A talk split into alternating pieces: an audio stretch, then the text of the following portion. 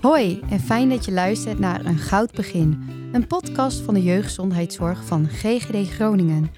In diverse podcasts gaan we uitgebreid in op onderwerpen waar ouders of verzorgers van jonge kinderen op het consultatiebureau vaak vragen over hebben. Welkom bij deze eerste podcast. Ik ben Bettine Nijholt en werkzaam bij GGD Groningen. En daarnaast ben ik moeder van Sophie, Stijn en Emma.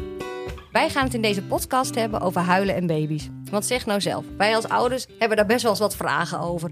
Want ja, helpt mijn baby nou te veel? En uh, wat kan ik daar nou eigenlijk aan doen? Nou, daarover ga ik vandaag in gesprek met twee uh, gasten en experts. Ilse Hoordijk, jeugdarts, en Anita Soldaat, jeugdverpleegkundige. Welkom, leuk dat jullie er zijn. Dankjewel. Ja, dankjewel. Jullie zijn uh, werkzaam bij GGD Groningen, bij de JGZ. Dat ja, is de jeugdgezondheidszorg. Ja. het welbekende consultatiebureau. Nou, jullie hebben dus samengewerkt uh, aan een protocol om uh, de zorg rondom huilen bij baby's te verbeteren. Mm -hmm. Nou, en zowel binnen de GGD als in samenwerking met kinderartsen, huisartsen en uh, nou ja, anderen, denk aan een fysiotherapeut, een, een, een logopedist, um, hebben jullie dat kunnen ontwikkelen. Nou ja, daar heb ik heel wat vragen vandaag over. Nou ja, dan de eerste vraag die ik heb. Uh, waarom hebben jullie voor gekozen om uh, een podcast te maken over huilen en baby's? Ja, nou dat is eigenlijk wat jij net zelf al uh, beschreef. Hè? Dat je als ouder daar heel veel vragen over kunt hebben en dat het niet altijd duidelijk is. en dat merken wij ook, zeker op het consultatiebureau, dat er heel veel vragen over komen.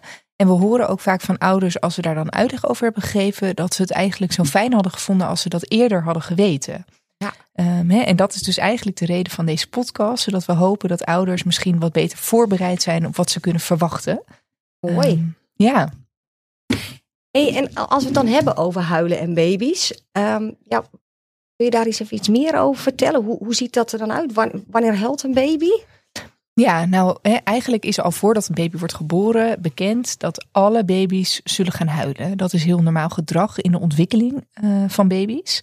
En het maakt niet uit waar ter wereld je geboren bent. Alle baby's uh, laten ditzelfde huilgedrag zien. En meestal verloopt dat huilen ook via een vast patroon.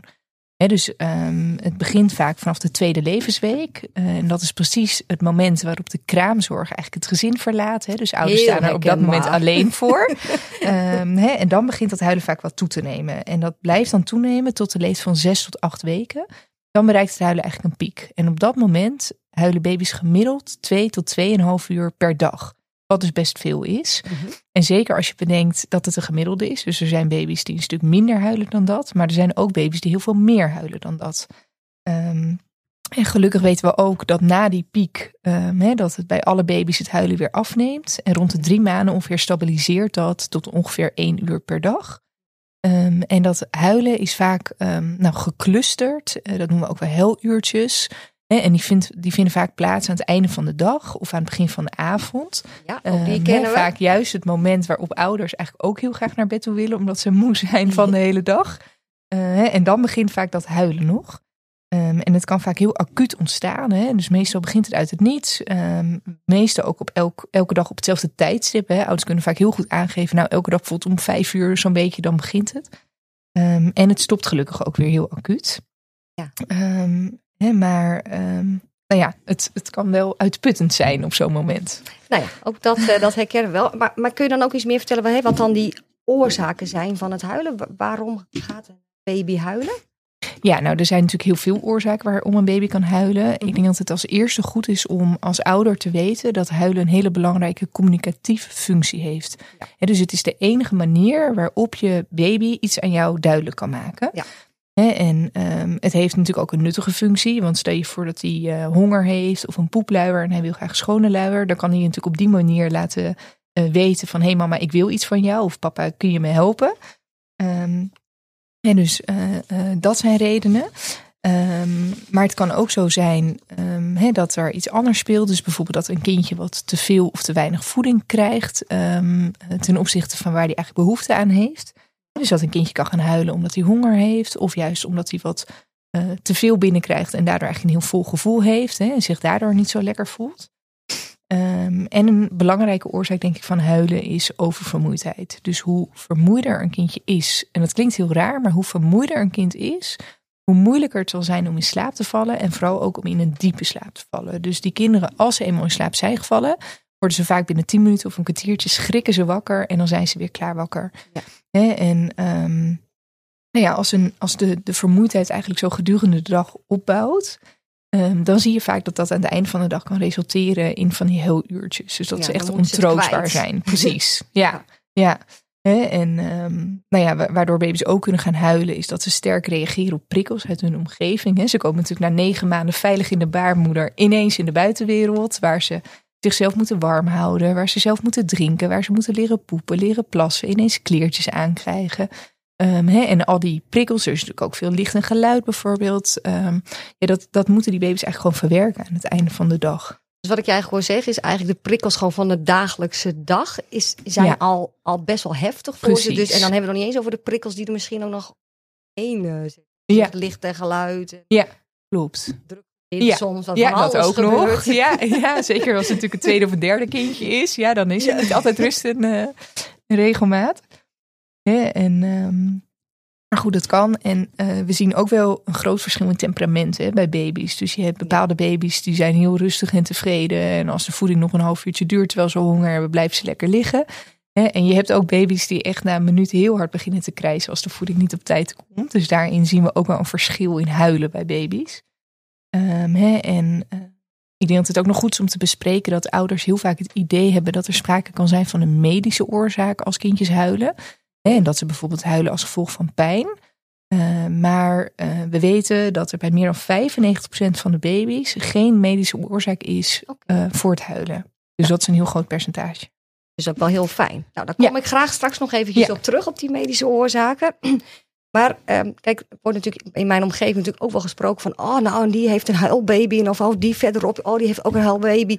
Maar wat is nou eigenlijk een huilbaby? En ja, ja, nou dat is ook een hele goede vraag. Hè? Want uh, we proberen altijd zo min mogelijk de term helbaby te gebruiken vanuit de gezondheidszorg. En dat heeft ermee te maken omdat je daarmee eigenlijk een beetje de, uh, de, de, baby de schuld krijgt als het ware van de situatie die is ontstaan. Hè? Of dat de baby een probleem heeft.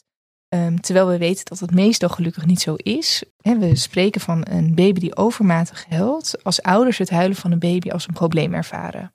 Ja. dus dat kan zijn als een baby een uur helpt per dag, maar het kan ook wel zijn als een baby vijf uur helpt per dag. Dus daar zit niet iets aan van, nou ja, als je baby echt zoveel uur gehuild heeft, dan heb jij echt een uh, huilbaby. Want nou, nee, dat hoor je natuurlijk wel eens om je heen. Ja, dan, uh... ja. Vroeger was het altijd wel zo. Um, uh, maar van die definitie is afgestapt. Okay. Ja, dus het gaat echt om de beleving van de ouders. Oké. Okay. Nou, dat is op zich ook wel prettig. Want soms als ouder denk je wel eens, nou ben ik nou, ben ik nou gek? Ligt nou aan mij? nou aan mij? Hoe moet dit? ja. En hoe vaak komt het nou voor dat een, eh, een baby heel veel huilt? Ja, nee, zo, zoals ik net al beschreef, gaan eigenlijk alle baby's huilen en is het dus ook normaal gedrag. Maar we weten dat 20% van alle ouders um, hulp zoekt vanwege het huilen van hun baby. En um, dat kan zijn bij de huisarts of bij ons bij de gezondheidszorg, maar ook bij de kinderarts. Um, maar voor ook ouders die niet actief vragen om hulp, uh, kan het wel heel zinvol zijn dat ze bepaalde tips krijgen of adviezen die ze kunnen toepassen om het huilen te verminderen of te voorkomen. Uh, dus vandaar ook deze podcast. Ja, nee, zeker. En, tenminste, ik, eh, ik hoorde je net al zeggen van, nou ja, dan nemen ze wel contact op met een huisarts of zo. Want, want is dat dan ook eigenlijk de weg die je moet, wat je moet doen als je zorgen hebt als het gaat om het huilen van je baby? Ga je dan naar de huisarts of, of kom ik juist bij jou, Anita? Bel ik jou? Ja, dat, op zich is de handigste stap om inderdaad uh, de jeugdgezondheidszorg in te schakelen. Hè, want zij kunnen dan inderdaad met ouders meekijken van, goh, is het inderdaad uh, normaal hè, wat een baby laat zien? En wij kunnen ook met ouders verder kijken uh, hè, naar eventuele medische oorzaken, mochten die er zijn. Maar ook qua begeleiding hè, kunnen wij ouders helpen daarbij. En als ik dan contact opneem met, uh, nou ja, ik zeg toch maar even dat ik met jou contact opneem, want jij bent natuurlijk van de gezondheidszorg. Wat, wat gebeurt er dan? Wat ga jij dan, uh, ga je dan doen? Nou, ik ga op huisbezoek uh, bij deze gezinnen en um, he, ga met ouders bespreken van goh, hoe is het gegaan in de zwangerschap? Um, hoe is het in de periode na de bevalling tot het moment dat ik bij de ouders ben verlopen qua voedingen, qua plassen, poepen. Hey, hoe gaat het met de baby? Uh, is het een baby die bijvoorbeeld veel spuugt? Um, hoe gaat het met het slapen? Uh, maar ook of ouders uh, merken dat er een bepaald huilpatroon al is ontstaan. Hè? Dus wanneer zien ouders nu het huilen met name? En daarnaast kijken we ook altijd even naar, zijn er allergieën bijvoorbeeld in de families die ook van invloed kunnen zijn op het huilen. En um, kijken we ook altijd lichamelijk de baby helemaal na. Dus we gaan de baby dan wegen. Dan is de baby bloot. Dus dan kunnen we de baby ook heel mooi bekijken. Hoe ziet de kleur eruit van de baby? heeft de baby bijvoorbeeld last van eczeem? Of is er sprake van een, een schimmelinfectie in het luiergebied? Of in het mondje, hè, spruw bekijken we ook altijd even in het mondje van de kinderen. Ja. ja. Dus je kijkt echt wel eventjes de hele baby na en dan je gaat in het gesprek. Wat ik hoorde in het begin ook zei, die, die vind ik wel interessant. Je zegt, we vragen ook altijd even naar de zwangerschap. Wat, wat, waarom vraag je daar specifiek naar? Nou, juist ook om hoe, de zwangerschap verlopen is. Hè. Is een kindje bijvoorbeeld iets uh, te vroeg geboren? Ah, of um, ja, dat kan allemaal van invloed ja. zijn, ook op het huilen van uh, kinderen.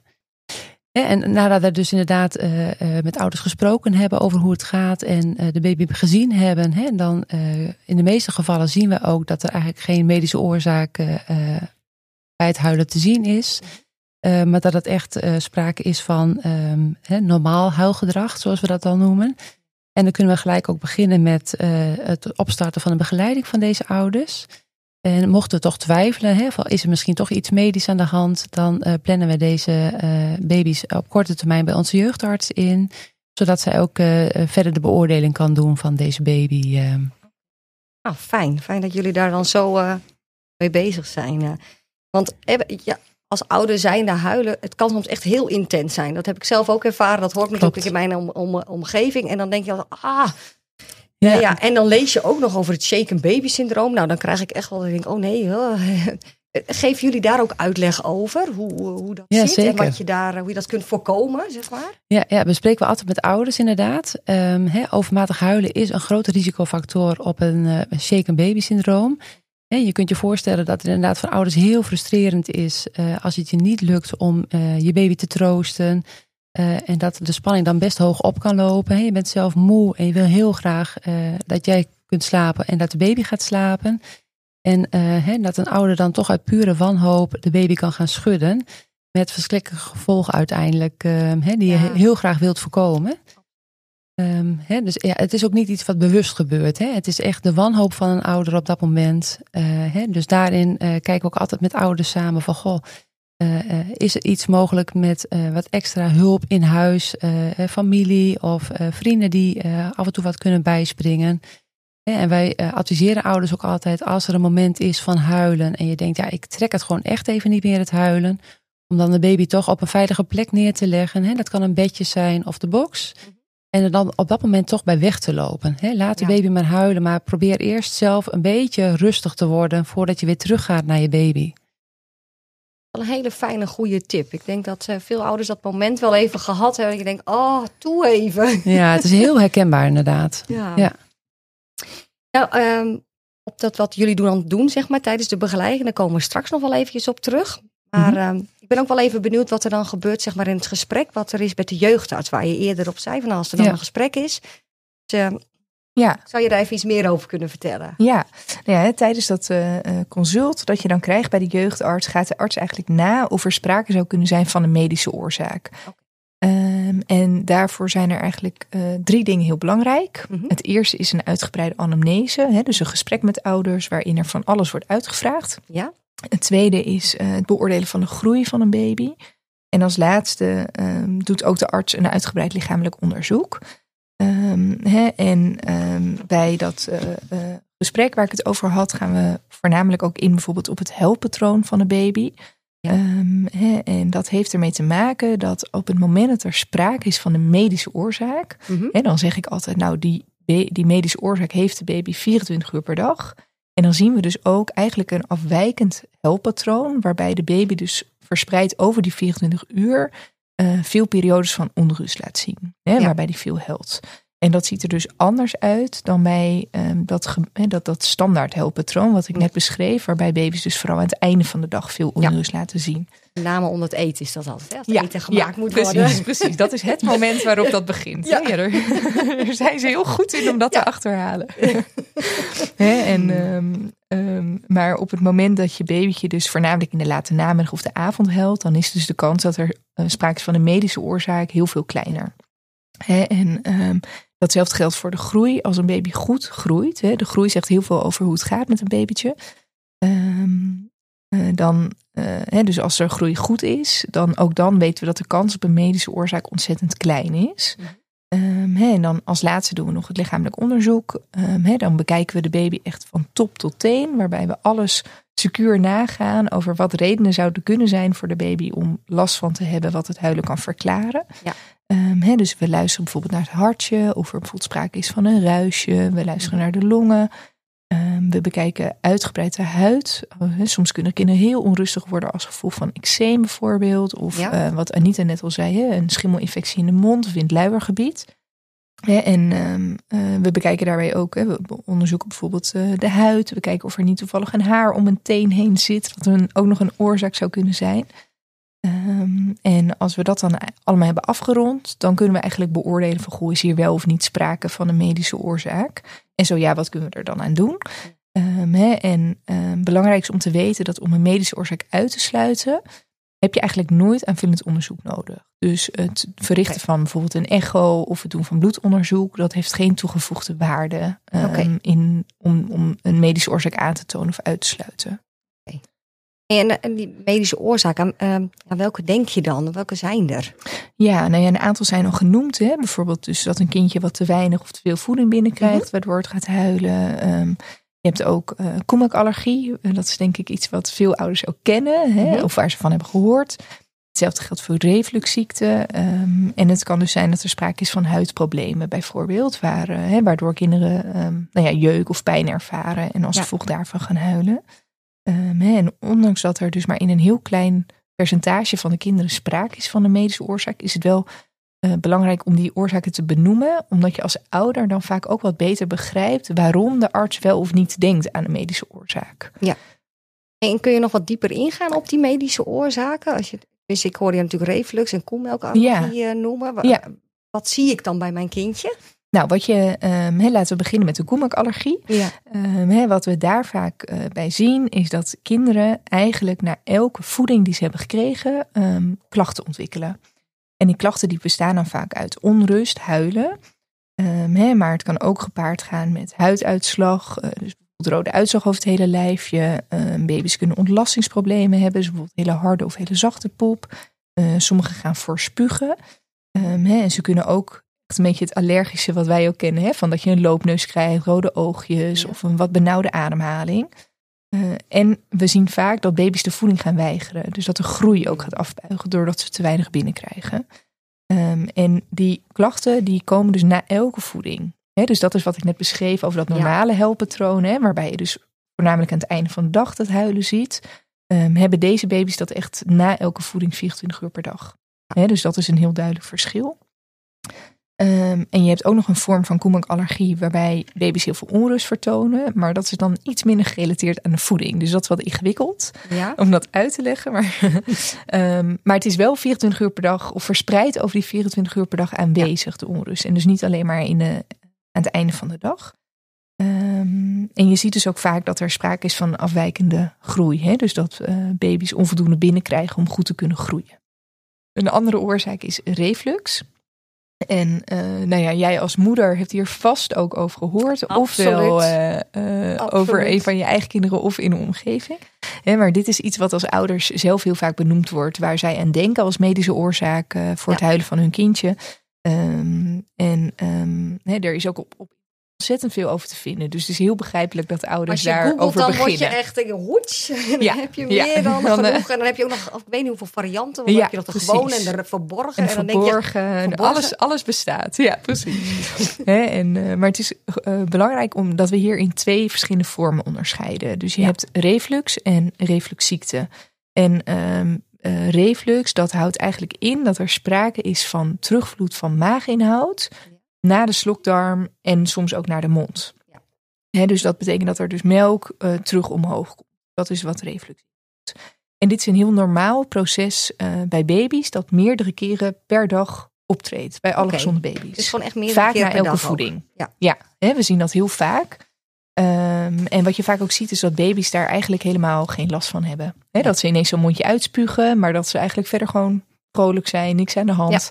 Ja. Um, hè, dus uh, we weten ook dat baby's daar bijna nooit echt heel veel last van ervaren.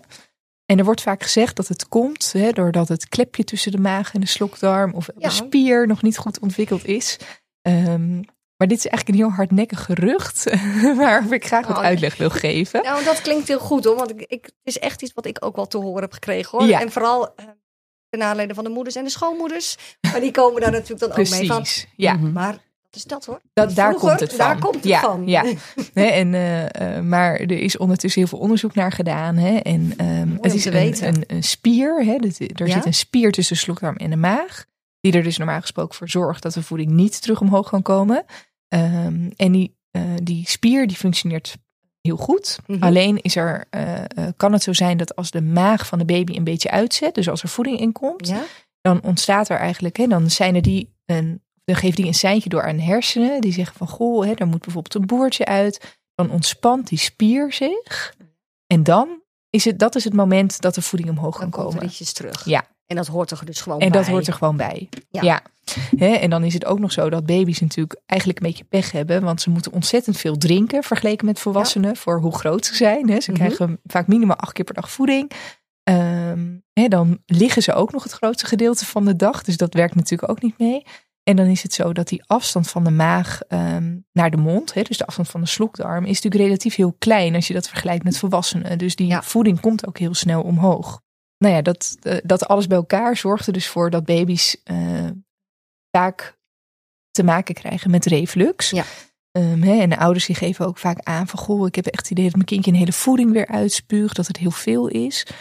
Maar dan, um, ik laat wel eens ook zien als ouders bij mij zijn op het consultatiebureau van goh, hè, hoeveel is nou bijvoorbeeld 5 milliliter melk? En ja. dan, hè, dan heb ik een spuitje, daar doe ik 5 milliliter water in, dat laat ik op de tafel vallen. En dan zal je zien dat het echt al een flinke plas is. Ja.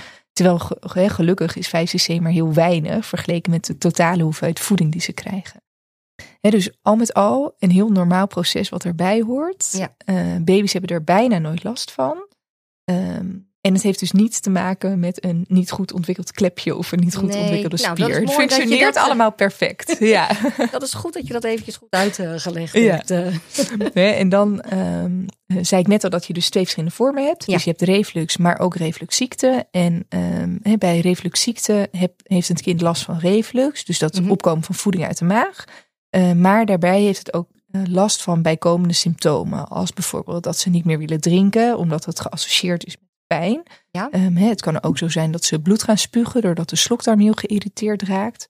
Ehm, vaak is er sprake van een afbuigende groei omdat er te weinig voeding binnenkomt bij de baby. Ehm, en het is vaak dat kindjes overmatig gaan huilen en dan ook weer verspreid over die 24 uur per dag. Ja. Maar als eh, deze eh, symptomen allemaal niet aanwezig zijn bij een baby, dan spreken we niet van refluxziekte. En dan hoeft er dus ook niets aan gedaan te worden.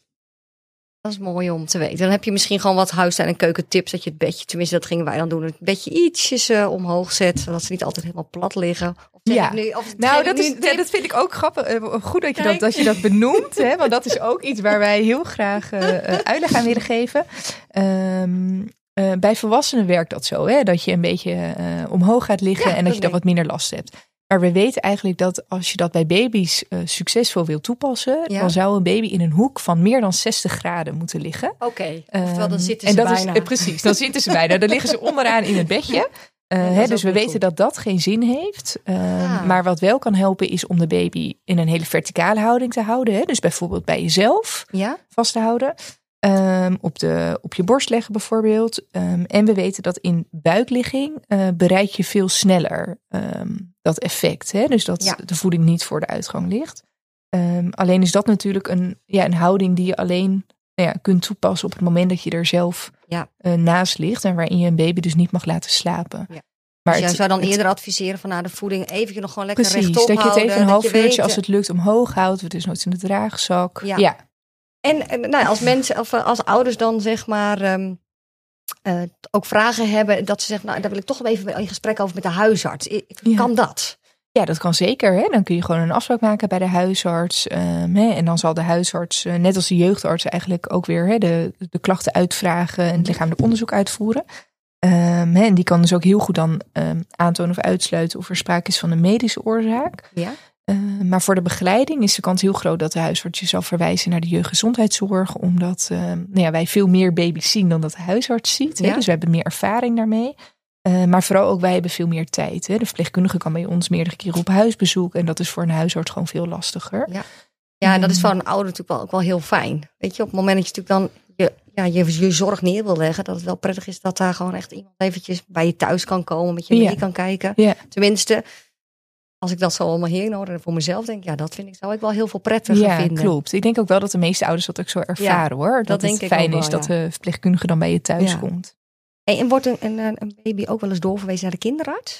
Uh, ja, het komt wel eens voor hè, dat het nodig is om een kindje te verwijzen. Dat kan bijvoorbeeld zijn als de jeugdarts twijfelt over een medische oorzaak. Of als ouders um, zelf nog niet gerustgesteld zijn na het consult met de jeugdarts. Hè, Dat mhm. ze nog steeds zorgen hebben of dat er toch niet iets medisch aan de hand is. Um, maar gelukkig is het maar bij een klein percentage van de onrustige baby's uh, uh, nodig. Die wij zien bij de jeugdgezondheidszorg.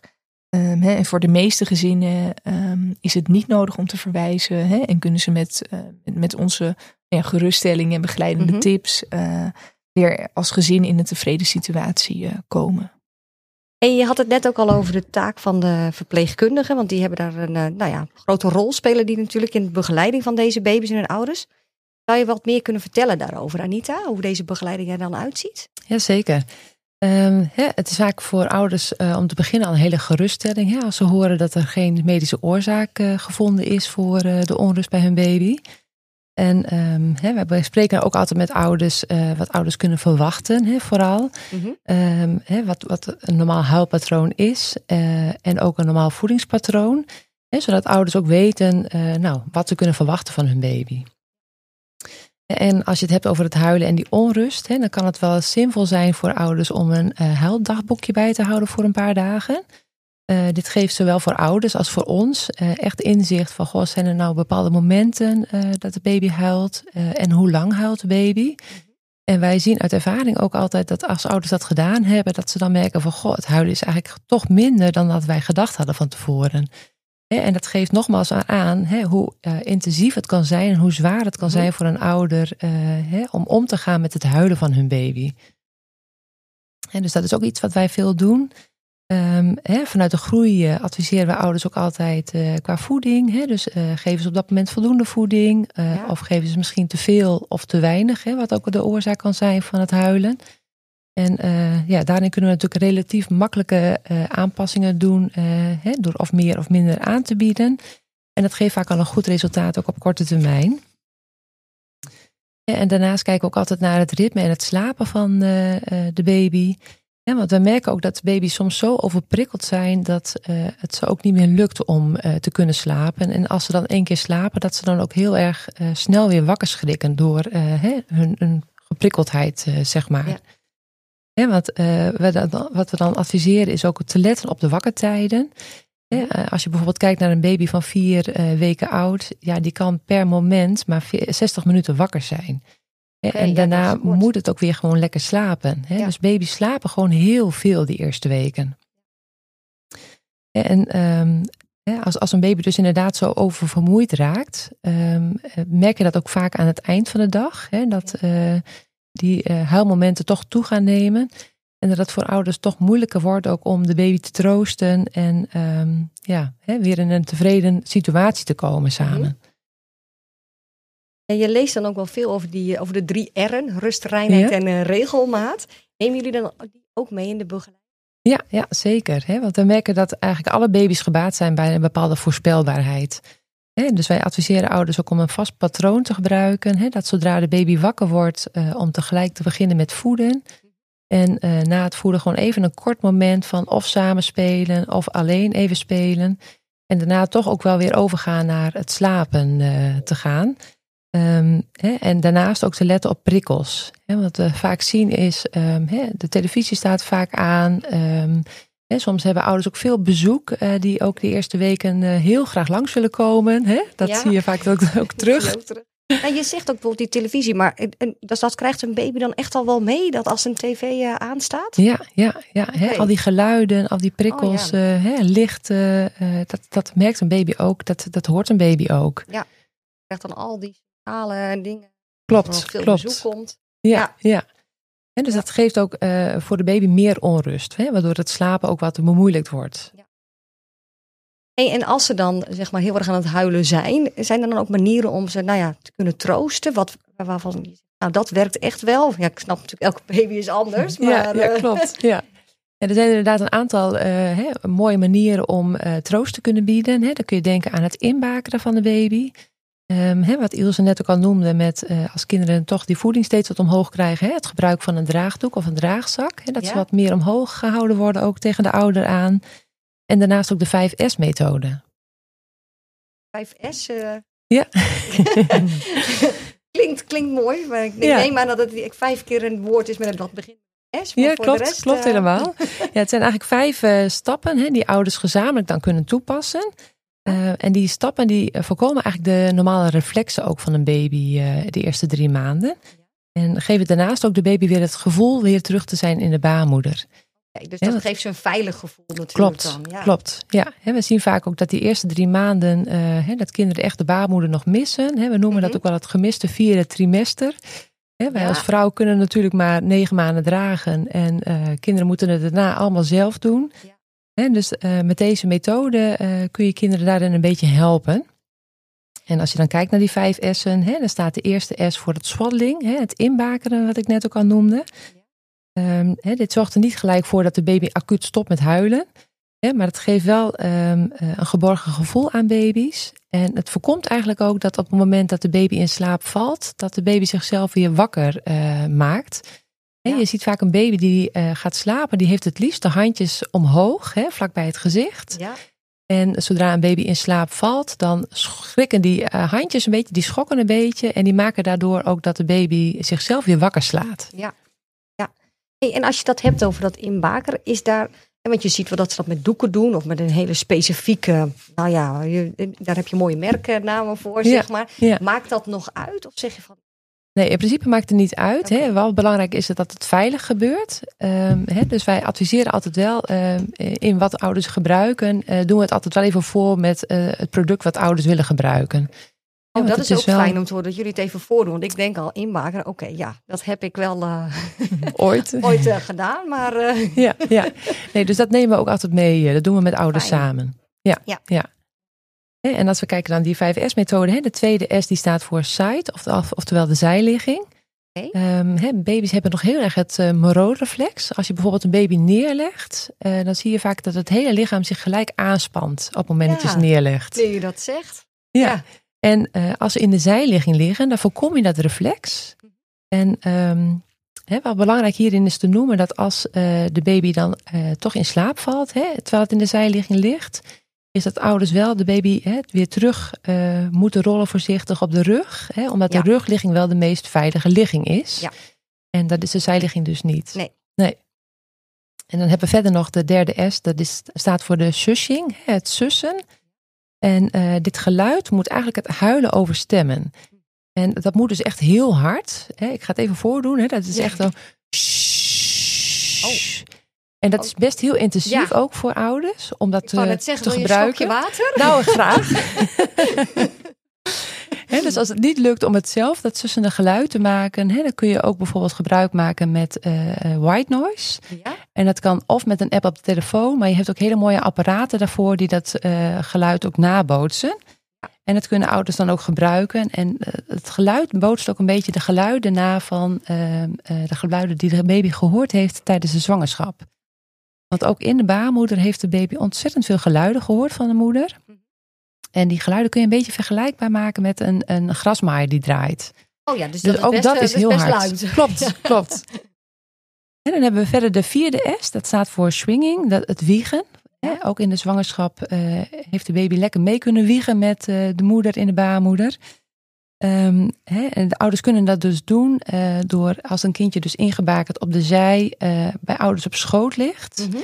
Um, en uh, je neemt de, het hoofdje van de baby in je beide handen. Dan ondersteun je ook het hoofdje en het nekje heel goed. Ja. En je maakt een soort wiegende beweging met je benen van links naar rechts. En dan heb je een hele mooie wiegmethode die je kunt toepassen, wat ook heel veilig is. En tot slot de laatste S, dat staat voor het zuigen. En baby's hebben een heel sterk zuigreflex. En dat zuigen geeft heel veel troost uh, en kalmeert ook vaak de baby heel goed. Mhm. En uh, soms hè, hoor ik wel eens van ouders terug van ja, maar mijn baby wil geen speentje. Um, hè, op dat moment kun je dan proberen om het speentje wat, wat half in de mond te geven. Dat de baby het Oh, gevoel ja. heeft van hé, hey, mijn speen gaat weer weg. En dan zuigen ze hem vaak zelf weer wat makkelijker uh, terug de mond in. Ja. En dus als ouders deze vijf stappen samen uh, doorlopen, hè, zie je vaak dat een kindje uh, wat, wat gerustgesteld wordt, uh, getroost wordt en uiteindelijk ook in slaap gaat vallen. Hè, en wat nog mooie aanvulling is, ja, zeker, zeker. Nou, gelukkig werkt het inderdaad over het algemeen heel goed. En merken we ook dat als ouders dit een langere tijd gebruiken, hè, dus na een aantal keren gebruiken, dat het voor de baby's ook voorspelbaar is. En dat baby's eigenlijk eerder gerustgesteld zijn en eerder in slaap gaan vallen. Dus dat ze zoiets hebben, oh, ik word nu ingebakend. Oh, dat betekent dat ik mag gaan slapen. Klopt. Dus Klopt. dat het gewoon... Ja. eh, Hè, en dan slaapt de baby uiteindelijk dus bij ouders op schoot. Hè, en als ouders dan toch denken van hé, hey, we willen graag toch eh, in het bedje terugleggen of Mhm. in de kinderwagen. eh, is nog een hele belangrijke om wanneer dan de baby opgetild wordt en weer teruggelegd wordt. Om dan de baby eh, eerst met de billen eh, contact te laten maken met eh, het bedje. En daarna heel voorzichtig de schoudertjes te laten zakken via de zijligging. En dan terugrollen op de rug. En daarmee voorkom je ook weer die reflexen waardoor de baby zichzelf weer wakker kan maken. Nu je het zo zegt, klinkt het zo logisch. Dan denk ik, ja, logisch. Want als ik hem zo... Je zult zelf maar eens Klopt, zo ja, schuin ondersteboven. ergens neergelegd worden. Nou, dan denk ik ook, oh, ja, ja, klopt. Ja. oh, een mooie tip. Ja. Oké. Kijk, en ook hierbij is het natuurlijk heel belangrijk om te kijken met ouders naar netwerk. Hè, wat ik eerder ook al noemde. Ja. Eh, hè, wij merken ook als ouders echt oververmoeid zijn dat dit niet haalbaar is om uit te voeren voor een ouder. Hè. Het kost te veel energie. En dus ook daarin is het gewoon heel belangrijk om uh, met ouders te kijken ook naar uh, is er familie in de buurt, zijn er vrienden, kennissen, Ja. buren eventueel. Hè, die ook wat kunnen ondersteunen in huis, zodat de ouder ook wat rustmomenten heeft voor zichzelf. Want als je zelf wat uh, rust hebt, hè, kun je deze methode ook makkelijker toepassen. Nou, dat geloof ik ook zeker. Als je zelf natuurlijk ook de onrust hebt, wordt het ook moeilijker. Een baby voelt dat natuurlijk. Ja, eh, ja. en ook om het vol te houden. Ja, ja, Ja. zeker. Hey, en we hebben het natuurlijk al over wat, eh, wat eh, zorgverleners gehad. Maar zijn er ook nog andere zorgverleners die je kunt in, eh, inschakelen? Ja, ja afhankelijk van eh, hè, wat, wat een beetje de oorzaak lijkt van het huilen, hè, hebben Ja. natuurlijk ook eh, eh, eh, andere mensen die we kunnen inschakelen. Hè. Dan kun je denken aan de lactatiekundige.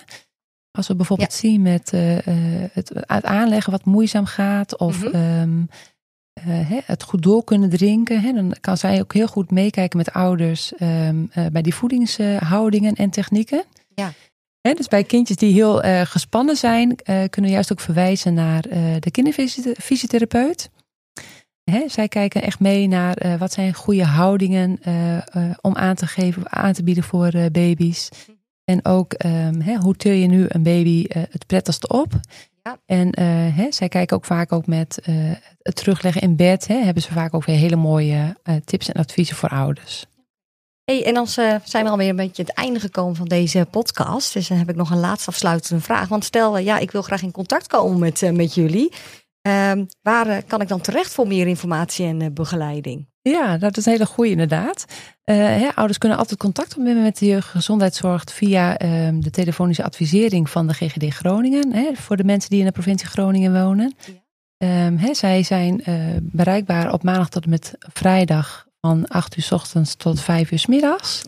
En ouders krijgen dan ook een verpleegkundige aan de telefoon die zelf heel veel informatie kunnen geven en adviezen kunnen geven. Mhm. Maar als het echt gaat om eh, eh, ouders die aangeven, goh, mijn baby huilt heel veel, is onrustig. Dan eh, schakelen ze de eigen verpleegkundige in. En die Ja. neemt dan eigenlijk op korte termijn al contact op met de ouders om ook een huisbezoek in te plannen. En voor de ouders die deze podcast luisteren en in een andere provincie wonen, hè, die kunnen het beste even kijken op de website van de jeugdgezondheidszorg in hun eigen provincie. Want er zijn ook provincies die hebben geen GGD, maar een andere aanbieder die eh, de jeugdgezondheidszorg eh, eh, aanbiedt. Dus als ik dan google bijvoorbeeld op jeugdgezondheidszorg, nou ik noem maar het Overijssel, dan Ja, ja. kom ik eigenlijk altijd komen ze daar op, het goede, ja, op dat de goede is, plaats terecht. Ja. Mooi. En je had het net ook over die telefonische advisering. Ehm, eh, is dat, kan ik dan gewoon het normale telefoonnummer bellen van GGD Groningen? Ja, ja, dat is het algemene En nummer. is het algemene nummer? Oké, mooi. Ja, Wel op de juiste plek terecht. precies. Dankjewel voor het luisteren naar Een Goud Begin, een podcast van GGD Groningen. De gast waren Ilse Hordijk en Anita Soldaat. Dank jullie wel. Leuk dat jullie er waren. Ja, graag gedaan. Dat was heel leuk. Ja. Fijn dat jullie zoveel uitgebreide informatie en goede tips aan ons hebben gegeven. Ook in onze volgende podcast praten we over onderwerpen waar ouders van jonge kinderen mee te maken hebben. Wil je niks missen? Abonneer je dan op de podcast Een Goud Begin van GGD Groningen. Vind je trouwens deze podcast ook interessant voor iemand anders? Stuur dan de link van de podcast door. Graag tot gauw.